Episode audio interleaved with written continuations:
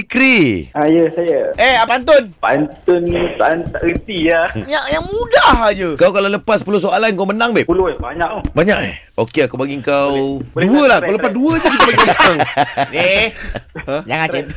Try, try, try. Tak Susah sikit sempat. tak boleh. Dia, dia kata Aduh. try, dia try. Dia...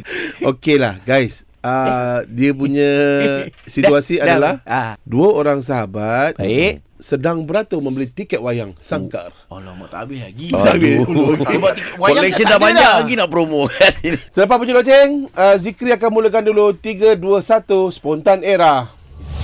Launch attack! Abang Johan nak tengok wayang tak? Apa kau cakap? Tiket berapa ringgit? Bila nak pergi? Abang Arif berlakon tak malam tadi? Dah sangka.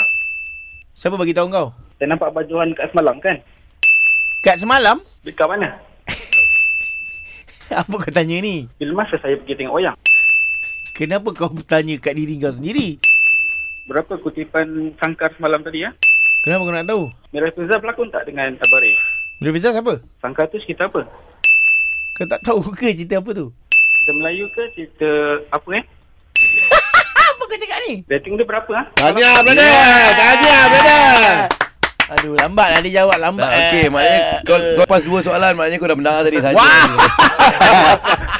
Dah, dah, dah, dah, dah, dah dua kali dah menang ni. First time kau menang ni bro. Oh, ya.